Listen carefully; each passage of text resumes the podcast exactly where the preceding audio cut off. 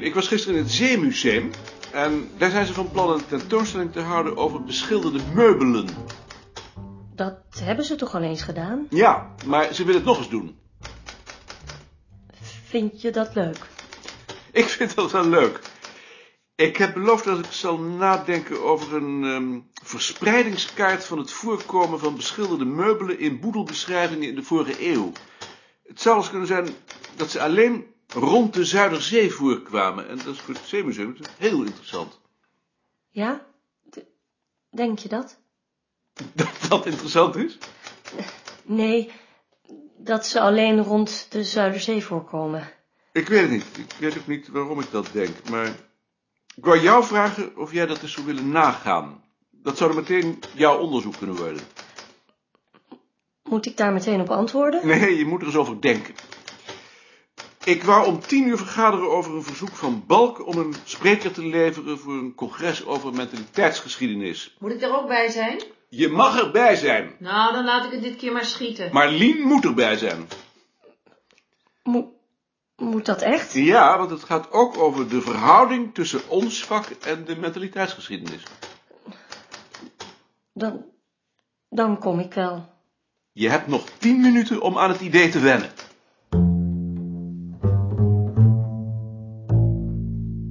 Dag Bart. Dag Maarten, heb je misschien even tijd? Eh, ik heb nog precies tien minuten. Kan ik dan misschien nog wat met je bespreken? Ga je gang.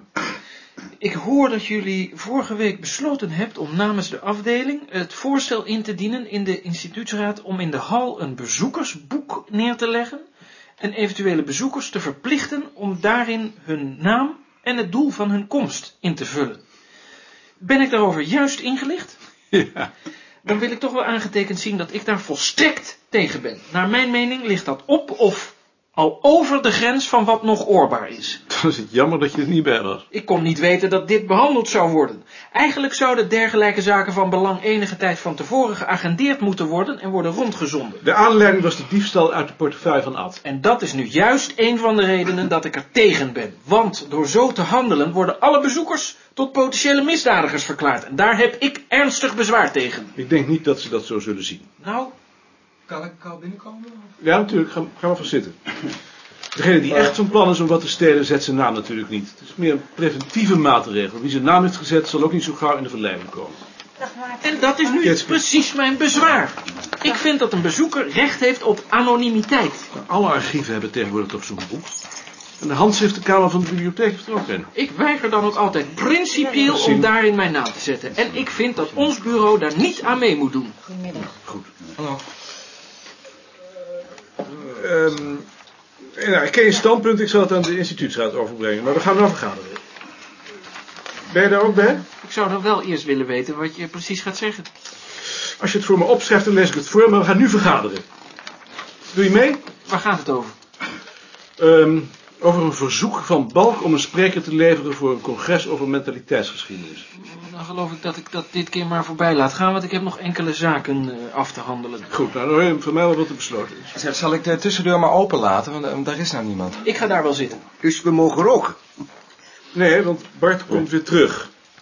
Jij komt toch hier weer terug, Bart? Nou, ik was het wel van plan, maar als jullie willen roken, dan blijf ik wel hiernaast eh, zitten. Nee, dat kan niet.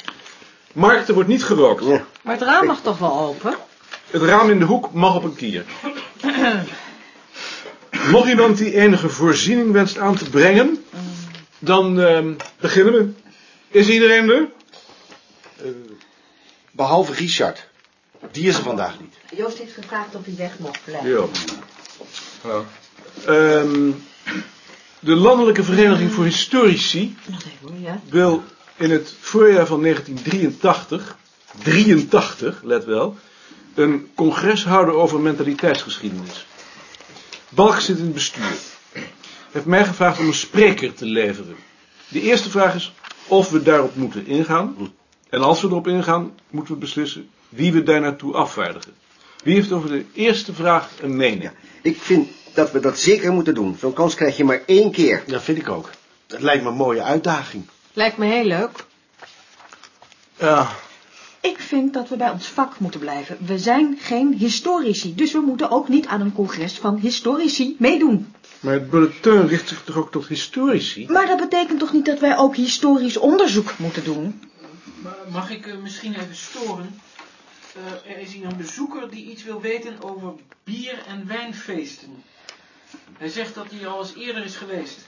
Heb je gevraagd hoe die heet? Hij heeft zich niet voorgesteld. Maar dat zal Bremer wel weer zijn. Kan jij hem niet helpen? Ik heb hem vorige keer ook niet geholpen. Ik ga wel even. Wat voor onderzoek moeten we dan volgens jou doen, zien? Naar regionale verschillen.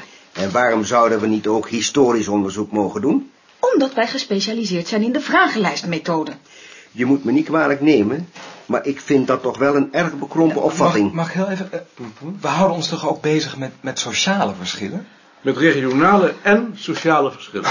Ja, nee, gelukkig. Ja, had, ik- had ik dat toch goed begrepen? Maar dat betekent toch niet dat we ons niet ook nog met de mentaliteitsgeschiedenis moeten gaan bezighouden? Ik zie niet in waarom niet.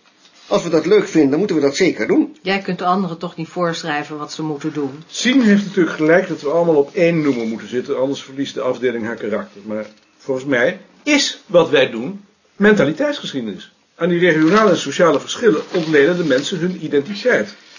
Vroeger noemden ze dat groepsbewustzijn volkskarakter. Dat idee is de grondslag geweest van ons vak. Nu zien we wel in dat dat ook aan verandering onderhevig is, maar het blijft toch de kern van ons onderzoek. Dat betekent dat wij op het terrein van de mentaliteitsgeschiedenis een hele lange traditie hebben. Maar Gunterman koppelt die veranderingen toch ook aan de conjectuur? En jij zelf ook. De economische conjunctuur schept de voorwaarden, maar de sociale omstandigheden en meer in het algemeen het geestelijk klimaat, waartoe dan ook het groepsbewustzijn behoort, komen daarbij en die zijn voor ons veel interessanter. Het gaat tenslotte om de tradities en die zijn per definitie niet rationeel. Kortom, als er iemand op dat congres het woord moet voeren, dan zijn wij dat. Was het Bremer, Tjitske? Ja, ja. Tjens, ik heb net uitgelegd waarom wij volgens mij voor dat congres een spreker moeten leveren. Kort komt het op neer dat wij ons bezighouden met tradities, dat die tradities samenhangen met groepsbewustzijn en dat we daardoor met ons onderzoek op het terrein van de mentaliteitsgeschiedenis zitten. Wie is het daar niet mee eens? Zien? Ik ben het er niet mee eens, maar ik zeg er niets meer over. Deelt iemand het standpunt van Sien? Ik vind dat wij daarbij horen. Ik ben het met jou eens. Ik ook. De andere ook? Dan komt nu de vraag wie we moeten leveren. Ik wou dat zelf dit keer nou eens niet doen. Ik vind dat een van jullie het maar eens op je moet nemen. Wie? Ik wil dat wel doen. Ik ook wel, maar ik weet alleen niet of ik dan al zover ben. Wacht, wacht, wacht even. Ik haal even een eh, blaadje. Dus, één, Mark. Twee, Gert. Zet mij er ook maar op. Ja, mij ook. Goeie hemel. Jaap, ik heb ehm, hier een lijstje met namen van mogelijke sprekers met hun onderwerpen. Dat zijn in alfabetische volgorde Frits Bloemberger over groepscultuur in Weesp in de 17e 18e eeuw. Mark over middeleeuwse groepsculturen. Muller over de kerstboom in de 19e eeuw als afspiegeling van de veranderende opvattingen over godsdienst en gezin. En Wichelaar over de veranderingen in de openbare feestviering in de 19e 20e eeuw als voorbeeld van mentaliteitsverandering. Die vier staan ex equo. Ehm, ik heb mezelf daar nog aan toegevoegd als reserve over broodgebruik en groepsbewustzijn. Voor het geval die eerste vier geen van alle in het programma passen. Maar ik zou verreweg het liefste zien dat jullie een van die vier nemen. In de eerste plaats, nou, niet in de eerste plaats, omdat ik op het ogenblik tot de nok vol zit. En vooral omdat het hoog tijd wordt dat iemand anders op de afdeling is naar buiten treedt. Voor de afdeling is dat beter. Ik zal het bespreken. Ik wou binnenkort met de hoofden praten over de stroomleiding van het jaarverslag. Kun jij morgen?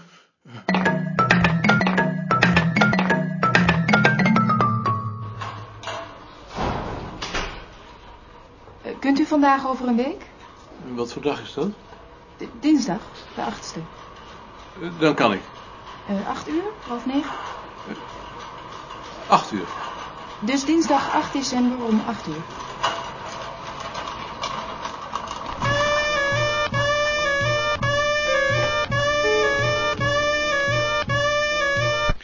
Dag zien. Dag Maarten. Hebt u nog een kop koffie voor me, meneer Wigbold? Ik zal eens zien of er nog één is. U bent laat. Ja, ik ben laat. Kom je van het WG? ja, Hebben ze nou al wat gevonden? dat hoor ik volgende week. Hoe lang heb je dat nou eigenlijk al? Oh, Heel lang. Maar het wordt erger. Dat is vast omdat je veel te hard werkt. Nee, dat is niet. En eh, toch moet je daarmee oppassen. Den Uil werkt veel harder. Maar jij bent Den Uil toch niet? Nee, daarom werk ik ook niet zo hard. Ehm, een uitnodiging voor een gesprek met Günter Mann, een paar van zijn leerlingen en twee Wageningers over het onderzoek naar de voeding in Noordwest-Duitsland en Nederland. Dat lijkt me meer iets voor jou. En een brief van Appel voor mij. dat Gunterman wegens overbelasting bedankt voor de uitnodiging om op het symposium in april, ter gelegenheid van de 75ste verjaardag van Zeiner, een lezing te houden over de Europese atlas. Wat moet ik daar nou mee? Naartoe gaan. Dat betekent dat onze opvattingen over de atlas niet gehoord worden, tenzij jij het van hem overneemt. Gunterman en jij zijn de enigen onder de jongeren die dat kunnen. Maar dat kun jij toch veel beter doen? Hij is aan jou gericht. Ik kan onmogelijk. Het is volgende week al. De week daarop moet ik naar Antwerpen. Ik moet die lezing nog schrijven. Ik kan echt geen dag missen. Schrijf mij liefst per omgaande dat je het doet. Ik zou het echt een ramp vinden als opnieuw alleen de verouderde opvattingen van de oudere generatie gehoord werden. Met hartelijke groet, Karl. Hartelijke groet, Karl. Bovendien is het jouw onderwerp. Maar het is in het Duits. Stelt niets voor, het is een gesprek. Je zit met z'n allen o- o- o- om een tafel. Er zijn ook nog Nederlanders bij. Duitsers verstaan allemaal wel een beetje Nederlands. Bovendien zullen ze het dus heel interessant vinden om te horen wat jij doet. En, en- en voor jou is het heel interessant om te horen wat zij doen. Het is een mooie ervaring. Het is ook nog goed voor de afdeling. Nou, ik weet het niet hoor. Ik moet er eerst nog eens over nadenken. Doe dat maar. En schrijf hem dan dat ik je gevraagd heb in mijn plaats te komen. Je kunt er gewoon in het Nederlands schrijven. Dat kan hij lezen. Dag Bart, dag Alt. Dag Maarten. Hoe is het afgelopen? Eh, meneer Balk zoekt je. Eh, ik, ik zal naar hem toe gaan. Lees dat maar eens. Brief van Appel. En wat zeiden ze? Eh, ze zeiden nog niks. Volgende week krijg ik de uitslag. Wa- Wat hebben ze dan met je gedaan? Mijn longfuncties gemeten. Hoe gaat het dan? Heel hard in een bal blazen. Ik moest ontzettend van hoesten. Ik kreeg een enorme kriebel aan mijn lippen. Maar je hoort het dus pas volgende week. Ik kan er niks aan doen. Nou, dan wachten we maar af. Ik heb de indruk dat ik het gesprek van de dag ben. Ze hebben het in je agenda gelezen.